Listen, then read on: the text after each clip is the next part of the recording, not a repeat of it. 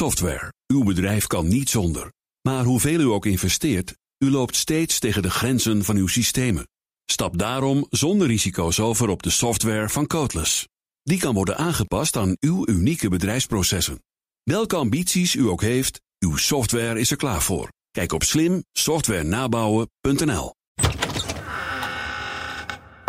Bak, VVD-programma. Forumverkiezingen, eh persconferentievragen, die drie dingen? Ja, oh, en de follow-up eh, van eh Ariep die geluisterd heeft naar de podcast. Vind ik toch ook grappig om te benoemen. Ja, is het dan Marloes die... eh, Marloes heb ik gesproken. Of Bronnen Ariep rond, die ook bronnen rond Ariep die hebben geluisterd. Een mega scoop. Moeten we Ja. die dan niet... eh, Oh ja, megascoop. Ja, zeker. Ja, maar kun je... eh, maar hoe ga je dat dan... ehm, ja, nou ja, doe maar even kort toch? Gewoon even vertellen wat, wat je, dat uh, eindelijk... Nee, we hebben het gisteren ook al over gehad, Ja. Over hoe dat eh, ging. Nee, maar het vervolgt nog niet dat, eh, dat het ook echt tot ophef... Jij zei toen, ik, hoop, ik denk wel dat mensen nu eh, moeilijk eh, gaan kijken en eh, ophef verwachten. Ja. Podcast voor beginners. Ja, doe even je... Voor beginners? Laat maar. doe even je microfoon recht voor je neus inderdaad. eh, Laurens boven, Sophie van Leeuwen. Dan is dit Nieuwsroom Den Haag van vrijdag 6 november. En Laurens, zullen we gewoon beginnen aan het begin, ja, aan het begin van de week? We, eind, we maken de podcast op vrijdag, dus dan begint de week weer op zaterdag. Ja. Mijn week begon op eh, zaterdagavond in een leeg Ahoy. Oh, dit is een hele mooie eerste zin van een boek. Ja. Het was een fascinerende bijeenkomst. Ik kwam aanrijden in het donker.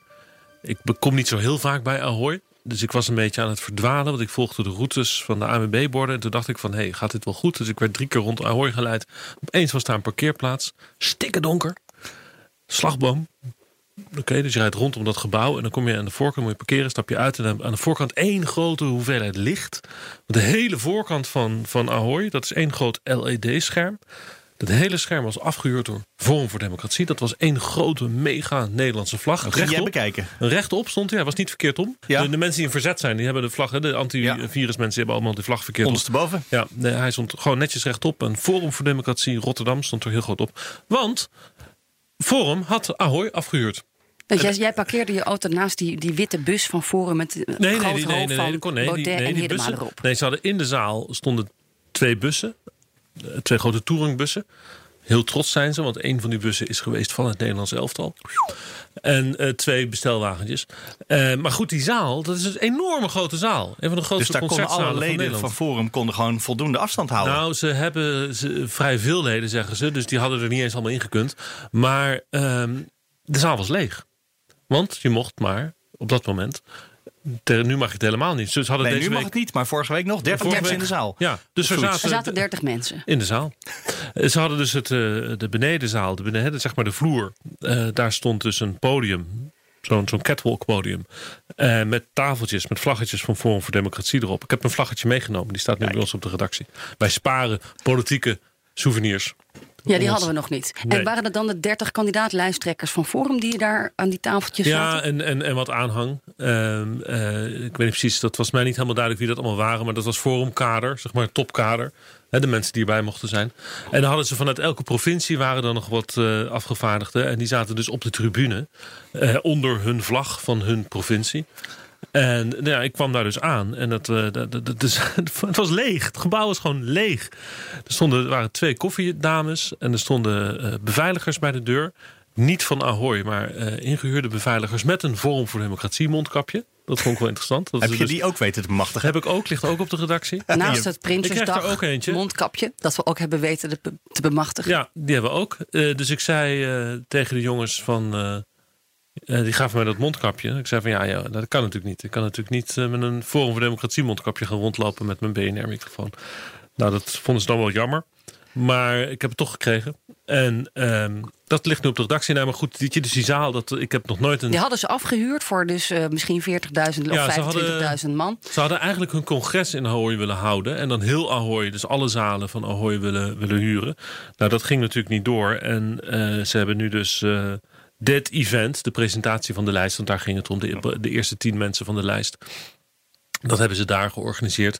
In een lege zaal. Dus het was qua, ja, eh, qua effect was het natuurlijk wel mooi. Zo'n zo'n enorme zaal, helemaal leeg. En dat op Halloween ook nog wel. Griezelig. Eh, ja, ja, Het was donker, ja. ja.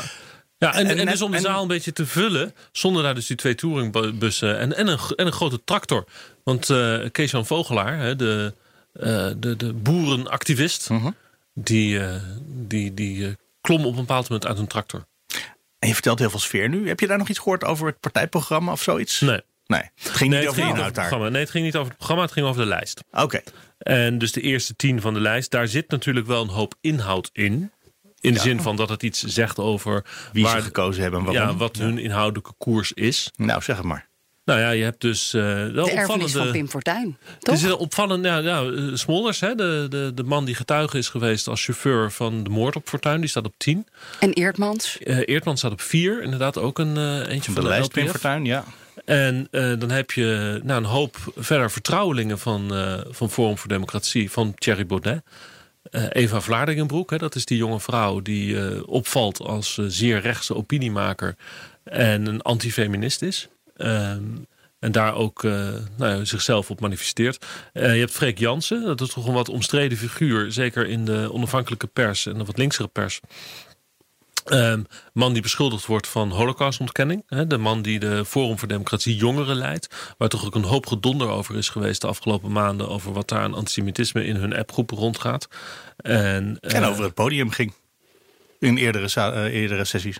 Als je daar meer over wil weten, moet je trouwens even de, de biografie eh, van Baudet lezen. Hè? Mijn eh, meningen zijn feiten. Ja, net komen ook deze- eh, deze vorige week mensen ook aan de orde. Overigens Chris Alberts, hè, de, de die heeft grote ook net een boek Forum, gemaakt. Watcher, heeft ook een boek gepresenteerd over, over Baudet. De partij ben ik. Eh, we hebben verder op die lijst. We hebben eh, nou, natuurlijk eh, Van Haga op de lijst staan. Ja, waar staat hij eigenlijk? Want die staat niet op drie, ergens Nee. aan het eind hè, van de tien. Ja, op acht staat hij. Ja, die, dat was denk ik een beetje een teleurstelling voor hem. Want die man die zit al, al wekenlang alle debatten te doen namens Baudet, die er nooit is. Dus Ja. die, die is best wel hard aan het werk voor die partij.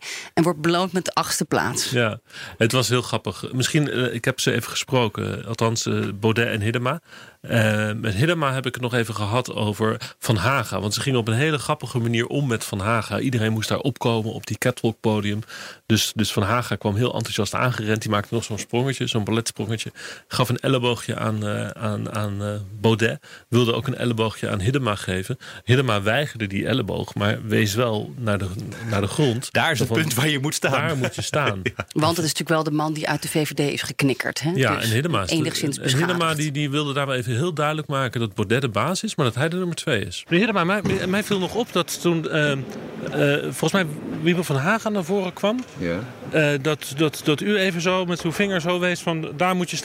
En u had eerder al gezegd, ik ben de nummer twee. Het is zover. Je hebt het ver geschopt. Ja, dat is het. Nou, Ja, ja, Maar hij moet niet denken dat hij hier de baas is. Dat bent u een... eh, dat, dat speelt helemaal niet bij ons. We hebben Sodomieten. We hebben hem gewoon een, een, een tijdje aanschouwd. Ja. En die samenwerking ging prima. En hij kan hele goede moties schrijven. En hij weet veel van het MKB. En we zaten afhankelijk te denken, je moet hem niet, ja, zullen hem wel niet al te snel omhelzen. Want we zitten, dan zit je weer met overlopers en diefstal. Maar die man doet vreselijk zijn best. En hij wordt nu lid van uw fractie. En ja, nou, daar heeft hij wel wat van. Ja, nou, hij heeft zich prettig gepresenteerd door de maanden heen. Ja. Kwam hij bij ons terecht. En als je hulp nodig hebt met z'n tweeën, dan is een derde al welkom. Met je zoveel stemmingen en zoveel vergaderingen. Dus en ja, als je dan blijkt door de weken, maanden heen dat je dezelfde standpunten huldigt. En je kan met hem door één deur. En dat is een aardige kerel. Waarom niet? De verhoudingen zijn wel duidelijk, eh, Ja, Laurens. ongelooflijk hè? Ja, hij kan, mooi moties schrijven. Hij geeft het Hij- hij gewoon doet goed toe, zijn hè? best. Hij, hij werkt voor ons. Ja, Ja. hij werkt hard. Tegelijkertijd zegt hij er natuurlijk bij ehm, dat hij hem heel erg waardeert. Hè? Dat hij Ja, de hulp- aardige man en hulp is hij fijn. En, zo. maar de boodschap is maar ook... de hulp, dat is het. Hij, dat Ja, is zijn rol. Hij, ja, zijn rol is hulp. De, de boodschap is inderdaad ook van eh, hij is komen kijken. We hebben hem een tijdje beoordeeld. En eh, plek 8. ja. Nou, even nog, dan nog concluderend dan over die lijst. Ehm, ik zei ook nog tegen Baudet van... nou, je gaat gedonder krijgen met deze lijst. Nou, wij zoeken mensen uit, hebben we ook steeds gedaan, die eh, sterk zijn. Sterke mensen. Eh, niet eh, mensen die in de politiek willen omdat ze een baantje zoeken of omdat ze willen vergaderen. Maar mensen die vanuit hun eigen terrein en vaak van ook vanuit de praktijk een statuur hebben opgebouwd. En die dus ook weten waar ze over praten. Want dat mist natuurlijk nu in Den Haag. Maar die lang niet altijd positief in het nieuws zullen komen de komende maanden. Nee, maar dat is ook eigen aan een partij die het establishment wil gaan aanvallen. En veranderen. Natuurlijk zullen wij, dat zie je toch ook in Amerika met Trump, dat zie je overal. Natuurlijk zullen wij heel veel slechte pers nog gaan krijgen. En, en ook eh, de gevestigde politieke partijen zullen ons proberen in een kwaad daglicht te stellen. Maar wij gaan daar gewoon dwars doorheen. Ja, dat doet hij dus heel slim, hè? Hij is zich dus zeer bewust van uh, de risico's die aan deze mensen kleven. Aan die Freek Jansen, aan die Kees van Vogelaar, aan die uh, Eva Vlaardingenbroek. Dat daar toch echt wel een hoop gedonder mee gaat komen in de, in de publiciteit. Maar hij maakt dat nu deel van het verhaal. Ja. Hij zegt van de kritiek die wij gaan krijgen... is kritiek van de establishment, die wij juist aanvallen. Hij heeft heel goed gekeken naar Trump. Die, die dat dus ook zo doet? Ook zo doet. En daar dus, hij trekt echt lessen van, van de campagnemethode van Trump. Refereerde ook een aantal keren aan Trump. Dus hij heeft echt heel goed naar Amerika gekeken wat daar, wat er gaande is. Dus ik vond dat een heel, eh, zeker voor Baudet zijn doen... best openhartige kijk in zijn strategie en in zijn uh, denken over zo'n lijst. Ja, het is wel zo dat de, de, afgelopen weken hij op een dieptepunt staat in de peilingen. Ook vanwege juist uh, uh, het geflirt met uh, virus. Ja, daar maakte hij nou inderdaad ook weer in dat interview met mij een foutje bij. Hij, hij deed gewoon echt gewoon iets wat je leert bij iedereen die mediatraining gaat krijgen. Die, die leert dat in een van de eerste lessen. Begin niet zelf over de ellende. Ja. En dat deed hij precies. Want ik vroeg er niet naar, maar hij begon zelf over dat zij geframed worden uh, in dat antiviruswaanzin ding. Hè? Dus hij begon er zelf over. Dus waardoor ik er natuurlijk op doorvroeg van nou, hè, oh, gaan, de, gaan ja, dat speelt inderdaad. Vertel. Ja. Dus dat was dan wel weer grappig. Maar uh, inderdaad, hij, ze zijn nu dus aan het afstand nemen daarvan. Alhoewel Van Haga natuurlijk wel nog steeds op die, in de debatten over de corona, over die PCR-testen. Elke maar blijft, keer weer de PCR-testen. Maar ja. blijft Hannessen dat het allemaal anders is en niet waar is en zo. Um, maar ik heb de indruk dat, ze, dat, dat daar ook wel bij Baudet een les geleerd is van dit is dus riskant. En we moeten een beetje weg uit die, uh, uit die uh, virus uh, complothoek. Ja. En jij zei ze staan er slecht voor. Sophie, weet jij uit je hoofd hoeveel ja, zetels rond, op het ogenblik? Rond de vijf Dus die achtste plek van, van Haga is helemaal nog niet zeker? Nee, daarom. Met de kennis van nu? Nee, dat zou zomaar kunnen dat hij dus niet gaat redden. Dan zei hij natuurlijk voorkeurstemmen zou krijgen. Nou, er is een mogelijkheid, en dan hebben we een bruggetje naar de actualiteit van uh, vandaag. Ja. Um, het is vrijdag 6 november, de dag dat het verkiezingsprogramma van de VVD is gepubliceerd. En heel interessant, daar zie je een beweging naar links. Waar eigenlijk alle partijen, middenpartijen, de establishmentpartijen, zal Baudet zeggen, naar links aan het bewegen zijn. Dus er ontstaat ruimte op rechts. En dat is wel interessant, want dat is eigenlijk uh, is dat een kans voor, voor Forum, voor Baudet. Zeg maar Henk Otte gedachtegoed uh, van Baudet uh, was natuurlijk ondernemers, middenstand. Um, ik kijk nog eens naar de uitslagen van Forum van de vorige keer. Dat zat heel sterk in de bollevelden, weet je, in dat soort ja. ondernemersgebieden. als hij daar weer zich meer op kan concentreren, dan, dan het is even nu een snelle analyse hoor. Van vandaag, de dag dat het verkiezingsprogramma van de VVD verschijnt. Maar je kan de, misschien wel de gedachte aan dat de VVD daar een uh, open flank biedt. Ja, maar toch zie je dat Geert Wilders, de PVV, profiteert hè, op de rechterflank. En die, die opeens ook heel erg bezig is met de horeca en de ondernemers in de coronacrisis. Ja. Dus hè, of ze naar Forum gaan of naar de PVV, er zit ruimte op rechts.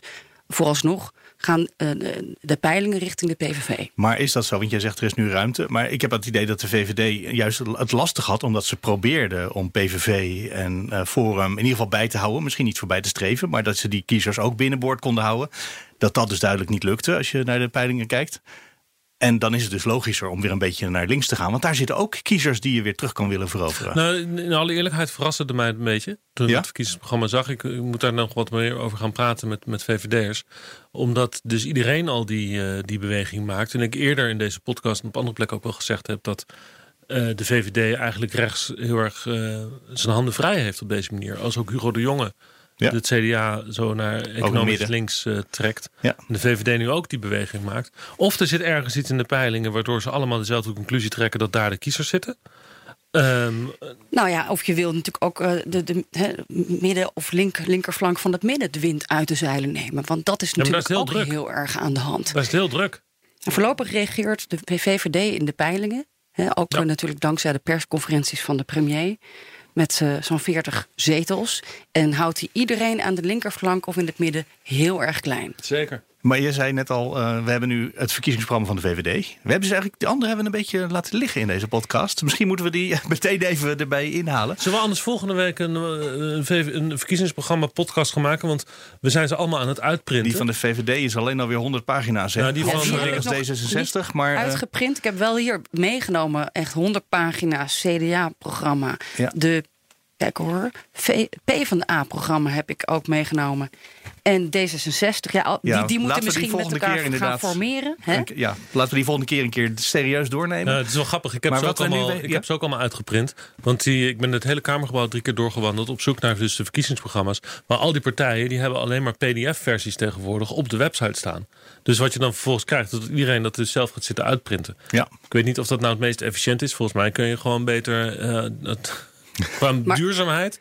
Gewoon even een paar van die boekjes printen. Geen idee. er zit heel veel overlap. Bijvoorbeeld het digitax. Het minimumloon moet omhoog. Dus dat kunnen we allemaal zo naast elkaar leggen. Dan ga je en dan de, de formatie alvast even doen. Alvast voorbereiden. Moeten we nog wel even studeren de komende week. Maar hebben jullie bijvoorbeeld, want het is nu als we dit opnemen kwart voor elf. De VVD kwam om tien uur naar buiten. Uh, daarvoor stond al wel een stukje in het AD. Uh, daar stond iets in, maar er stond ook weer niet zo overdreven veel in. Hebben jullie de kans gekregen om daar al een beetje een beeld van te hebben? Nee, ik heb het nog niet gelezen. Nee, dus de ruk naar links, dat is de duiding van het die je waarschijnlijk herhaalt dan. Nee, nou ja, goed. goed dat je, erbij zegt, inderdaad. Nee, klopt. Dit komt natuurlijk niet als een verrassing. Ik bedoel, Dijkhoff is al, al uh, heel lang in het debat bezig met... Uh, of, of het was eerst de Philips-samenleving.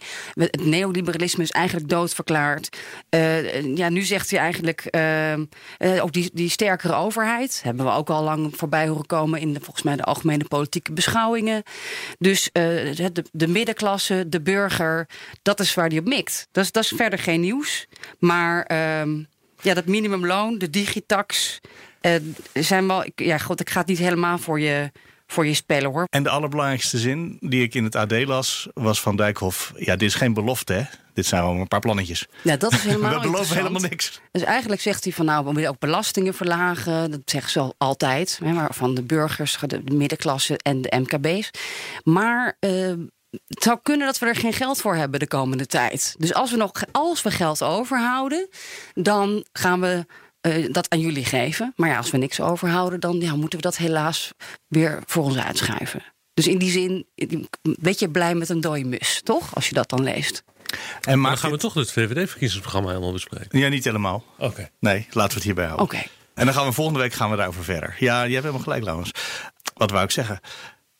Nee, ik, oh, ik wou vragen of dit nou een mogelijke, mogelijke of een opening biedt naar een nieuwe regering. Maar die vraag ga ik je ook volgende week pas stellen. Kan je een hele week over nadenken of dit de VVD bij al die linkse partijen nou die zo graag willen. Ik heb het vanochtend op de zender al gezegd. Ja? Dat, oh, dat, ja, je ziet de formatie al ontstaan. Hè, tussen natuurlijk, um, trouwens PvdA en GroenLinks die willen dan alleen maar samen in een kabinet. Dus die krijg je niet afzonderlijk. Dus dan moet je met, met, ook met Jesse Klaver gaan zaken doen. Het past in die zin past het in een, uh, inderdaad in die, in die bredere trend. En ehm, de VVD die zal, als zij willen doorregeren, eh, moeten ze zaken doen met uh, het CDA wat naar, naar links schuift. GroenLinks wat naar links schuift. De Partij van de Arbeid die samen met GroenLinks wil. Dus je, je zal dus het volgende kabinet wordt linkser dan het huidige. En als het VVD mee wil doen, dan moeten ze meegaan met die beweging. En ze hebben alvast een beetje aangegeven op welke punten ze mee willen naar links. En misschien ook wel, als we goed lezen, op welke punten ze niet mee willen naar links. De hypotheekrenteaftrek willen ja, ze graag. Uh, ja, er zijn er vast nog wel meer. Ja, ja, er zijn er nog zeker meer. Kijk, er is natuurlijk altijd nog de mogelijkheid dat er een uh, centrum-links kabinet komt zonder de VVD.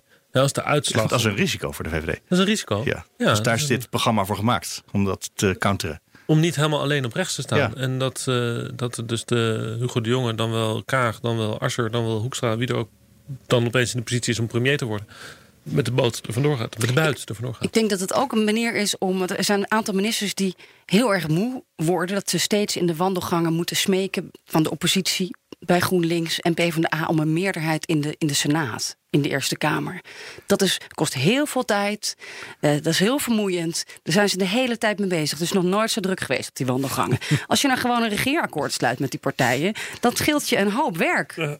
dan heb je een paar maanden, begin even heel hard werken... dan kan je daarna gewoon lekker aan de slag. Ja, en, en weet je, want die Eerste Kamer die verandert niet. Die zit daar nog wel even. Dus daar zit je nog jaren aan vast. Ik denk ook dat het in die zin het erg pragmatisch zou zijn om het uh, even op deze manier te regelen.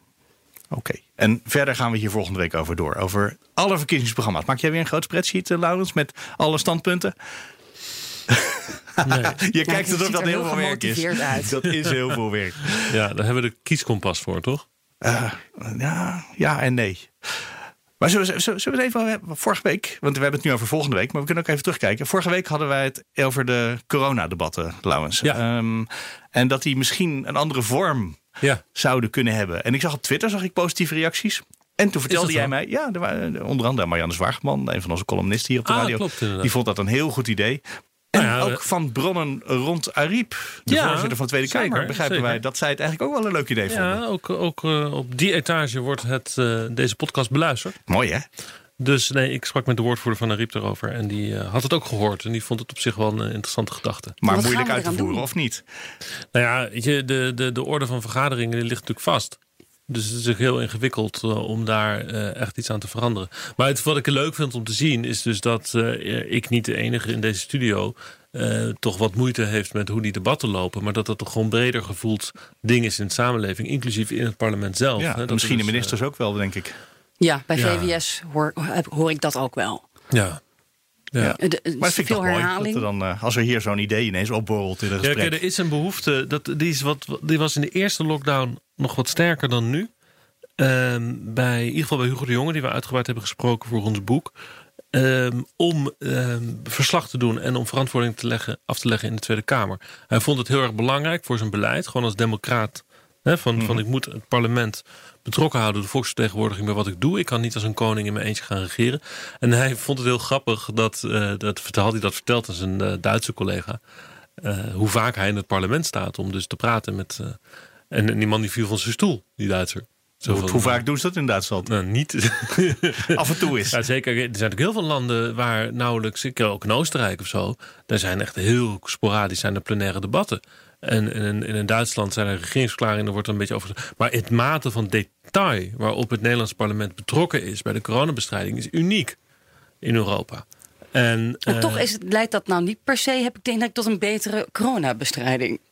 Ja, misschien eh, speelt het een rol. Misschien juist wel niet. I don't know. Ja. Maar Ja. ehm, wij hebben Nee, dat gisteren... gaat me te ver, die conclusie. Dat weet ik niet. Weet je, dat, dat is echt, dat, dat- daar kunnen mensen op gaan eh, promoveren de komende jaren. Op dit, dit soort vragen. Ja. Schrijf er een boek over, zou ik zeggen. Oh, het volgende boek. Ja, ja binnenkort tijd trouwens. Hmm. Ehm, maar dan haal ik er toch even het nieuws van gisteren bij wat je boven water haalde. Dat, de, eh, dat er noodwet, eh, dat, eh, noodtoestandwetten worden gebruikt om de avondklok mogelijk te maken. Niet Ja. om hem meteen in te voeren, maar in ieder geval om dat, eh, die optie klaar te zetten. Ja. En dat gaat dan weer buiten het parlement om. En daar was het parlement dus bovendien ook weer chagrijnig over. Koninklijk Hoorden we Oh, gisteren in de loop van de dag. Ja, joh. Het was echt het. eh, nee, dat liet wel een bommetje afgaan in Den Haag. Ja. En, eh, Nou, dat was- snap ik ook wel. Onder andere omdat de regering van tevoren niet openhartig met de Kamer heeft verteld: we gaan jullie passeren. Ja. Het was wel geinig, want ik hoorde dus ook. Stonden ze met Grapperhaus nog te praten. En eh, die stond eh, meer dan een half uur de pers te woord. En alles deed hij zijn best dus om dat woord noodtoestand dus uit de berichtgeving weg te halen. En te, te, te dempen, zo zei hij het. Dat is ook gelukt toch bij de NOS? dempen. De NOS-journaal noemde het woord noodtoestand niet in zijn verslag gisteren. Ehm, ik heb zelf geprobeerd heel zorgvuldig te formuleren om dus niet te zeggen dat de noodtoestand wordt afgekondigd, maar om te zeggen dat de noodtoestand wordt gebruikt. De noodtoestandwetgeving wordt gebruikt om dit mogelijk. Want die wet, bijzondere bevoegdheden burgerlijk gezag, dat is de noodtoestandswet in Nederland. Ja. Daar staat alles in. Ja, maar daar kan je stukjes uitpakken zonder Zeker. meteen de noodtoestand uit te roepen. Nee, en nou, daar maar zit ja, natuurlijk de nuance maar in. Dat is, maar goed, maar weet je, dat is wel een semantische discussie. Ja, Want de noodtoestandwet activeren. Ja, de Archie Kuiker zei tegen mij gisteren van de Partij van de Arbeid. Dan hebben ze misschien wel een beetje gelijk. Dat is in praktijk de noodtoestand afkondigen. Wat, is, nou- wat zit je nou hier ik heb gistermiddag te, te bij Spitsuur juristen gehoord die die nuance heel goed konden uitleggen, beter dan ik nu. Ja, dat zal allemaal wel. Ik snap, maar ik snap ook de politieke gevoeligheid Als je, daarvan. kijk, als je de noodtoestandwetgeving gebruikt... dan kan je natuurlijk wel formeel zeggen... ik eh, heb niet de noodtoestand afgekondigd... maar je gebruikt wel de middelen Ja. die horen bij de noodtoestand... om een crisis te bestrijden.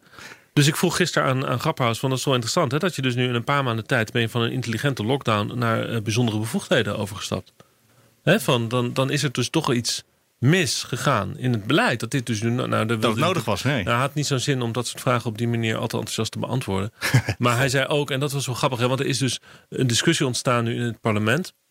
Eh, van, van wat is nou de mate van betrokkenheid? En wij vinden dat de, als het kabinet dit al doet, dan moeten ze dat doen zoals ze dat hebben afgesproken met de COVID-wetgeving. voor de noodmaatregelen. Eh, namelijk dat het parlement uiteindelijk uit, eh, eindbeslisbevoegdheid heeft. We hebben eindeloos lang over Ja, gediscussieerd. precies. Dus de Kamer die is vreselijk verbolgen over het idee dat die wetgeving die kan geactiveerd worden met een koninklijk besluit buiten het parlement om. Ja. En dan kan het parlement vervolgens wel weer dat Die kan hem terugroepen, hè? Ja, precies. maar dan is maar hij dan wel is hij al wel een tijdje aan in Ja. geweest. Ja. Dus eh, dat, is, dat is betrokkenheid achteraf. En dat is nou precies het punt. Dat wilden ze niet. ja, ze wilden betrokkenheid vooraf. Daar heeft de jongen wel voor gewaarschuwd hè, toen. Van jongens, ik, ga ook, ik kan niet beloven dat ik jullie overal bij betrek. Van en wat nou heel interessant is, is dat ze dus. En, eh, opeens kwam dus die avondklok. Dat kwam in de persconferentie aan de orde, in de brief, in het debat. Nergens werd gezegd op basis van welke wetgeving dat dan eigenlijk is. En wat ik nou gisteren ook nog hoorde vanuit de kant van het kabinet was. eh, ja, maar sorry hoor. Die Kamerleden weten dat. De Kamerleden weten dat de avondklok is op basis van de wet bijzondere bevoegdheden burgerlijk gezag. Dus eh, wat zitten ze nou. eh, Dat zouden ze moeten weten. Maar ze wist het niet. Ja, of ze eh, jokken tegen mij. Eh, als ze zeggen dat, ze dit, dat dit uit een, als een donderslag bij heldere hemel kwam. Dat deze wet daarvoor nodig is. Ik denk dat ze gedacht hebben dat dit met die eh, COVID-wet geregeld zou zijn. Nou, ik heb Kamerleden gesproken die dat inderdaad aan mij Ja. vroegen. Van, goh, waarom is dat niet de COVID-wet? En dan zei ik, ja, de COVID-wet is nog helemaal niet van kracht. En bovendien staat En dit er niet in. niet. En dit is niet geregeld in de COVID-wet. En als het niet erin staat, dan mag je het niet, niet Maar gebruiken. Maar het is wel D66 interessant, hè? is Maar het is, is toch interessant, hè? Dat er dus vanuit Ja. het kabinet, de kant van het kabinet gezegd wordt van... De, de, dat als wij zeggen avondklok, dan, dan, dan vinden Moet je wij dat weten, dat ja. het parlement moet snappen dat dat deze wet is. En eh, ja, dat, dat is wel, is dat, is dat wel helemaal de Kamer volledig informeren? Nee, Ik vind dat die je ga ik het- gewoon voor je beantwoorden. Ik vind dat je. Ik heb zelf het gevoel dat als je dit soort wetgeving gaat inzetten, dat je dat er echt even expliciet bij moet zeggen. En- Want je krijgt ook gedonder Ja, achteraf dat gebeurt dus nu. als je het niet doet. Ja, eh, ik sterk nog, ik heb het idee dat er een Kamermeerderheid nu tegen avondklokken is om Ja. deze reden. Nee, dus en ook in de coalitie eh, is Zelf- ja, daar die heb je daarvoor nodig. Ik las in de Telegraaf vanochtend dat het dus binnen het kabinet eh, grote meningsverschillen zitten over de inzet van de avondklok. Dus daar zullen we straks eh, in de ministerraad. Ja, dan gaat iedereen zeggen, wij spreken met één mond, niks aan de hand. Precies. Ja, we zitten wel vier maanden voor de verkiezingen. Hè? Je Ja, weet het niet. dat is ook weer dat waar. een beetje gaat schuiven. Dat is ook weer waar. Laurens, als je, jij gaat zo naar de ministerraad. Zeker. Eh, ik hoor dat er wat twijfel is eh, bij buitenlandse zaken over wanneer we Biden of Trump kunnen erkennen. Ah, ja, dat kan ik me best voorstellen. Want eh, Oh, dan ga je hem vragen. wil je dat even aan Blok vragen. Aan Blok. Want ik hoor ehm, dat. ze Minister zeggen- Blok, hè? Ja. Minister Blok van Buitenlandse Zaken. Ik ben wel allemaal vragen namens eh, jou en jouw familie aan het stellen de laatste tijd. Ja, klopt. Ja, nee, Oh, dat dit is niet namens De mijn andere moet je ook nog even uitleggen, ja. Maar eh, ik hoor dat ze dus normaal gesproken wachten ze de felicitaties van de verliezer af, zeggen ze. Toen zei ik, nou, dat gaat, eh, dat gaat nog wel even duren, denk ik. Ja, dat komt misschien wel helemaal Want er niet. komen vooral heel veel rechtszaken. Misschien En, moeten ze uiteindelijk met, eh, met eh, eh, blauwe sirenes Trump uit het Witte Huis trekken. Op eh, 20 januari. ja, of hij blijft zitten, hè, maar dan krijgen we ook rechtszaken van Biden, denk ik. Die gaat hem ook niet feliciteren.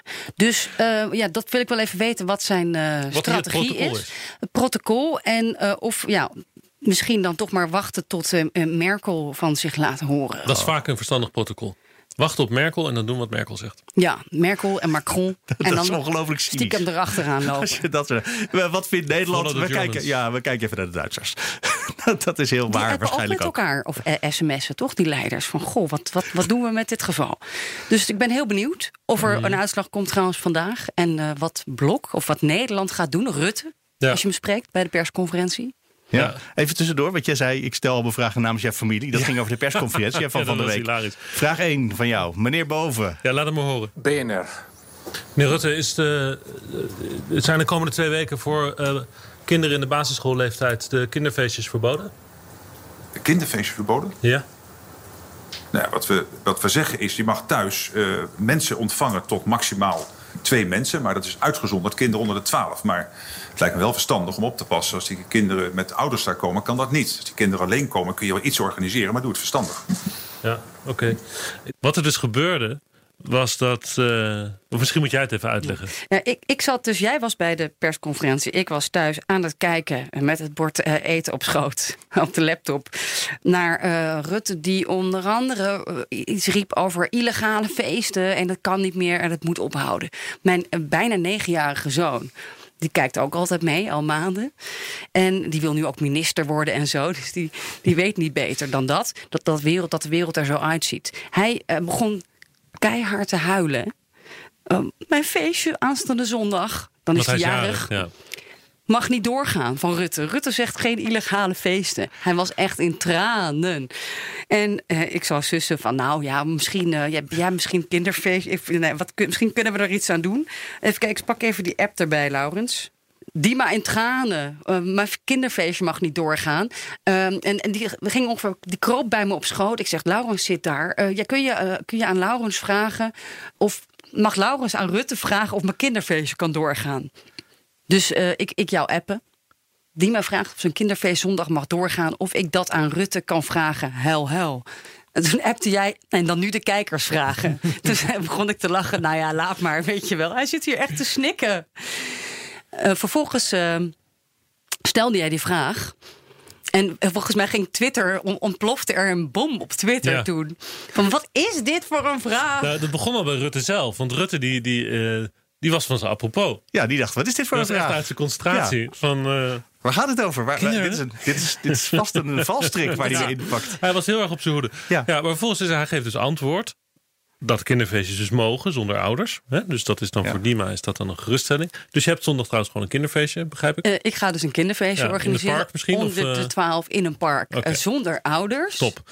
En eh, Rutte was dus, eh, heeft dat dus uitgelegd. En eh, vervolgens onder, zag ik op Twitter dat er dus een hele discussie ontstond over waarom ik deze vraag zou hebben gesteld. En er kwamen allemaal hele intelligente analyses over. Sinterklaas. Dat dat inderdaad met Sinterklaas te maken had. Van, eh, hè, dat, dat over- Kinderfeestjes, ja. Ja, want Sinterklaas komt straks. eh, dat is, valt in de twee weken periode. De komst van Sinterklaas. Nou, dus toen heb ik eh, halverwege de nacht heb ik gedacht: van weet je wat, misschien moet ik dat even uitleggen.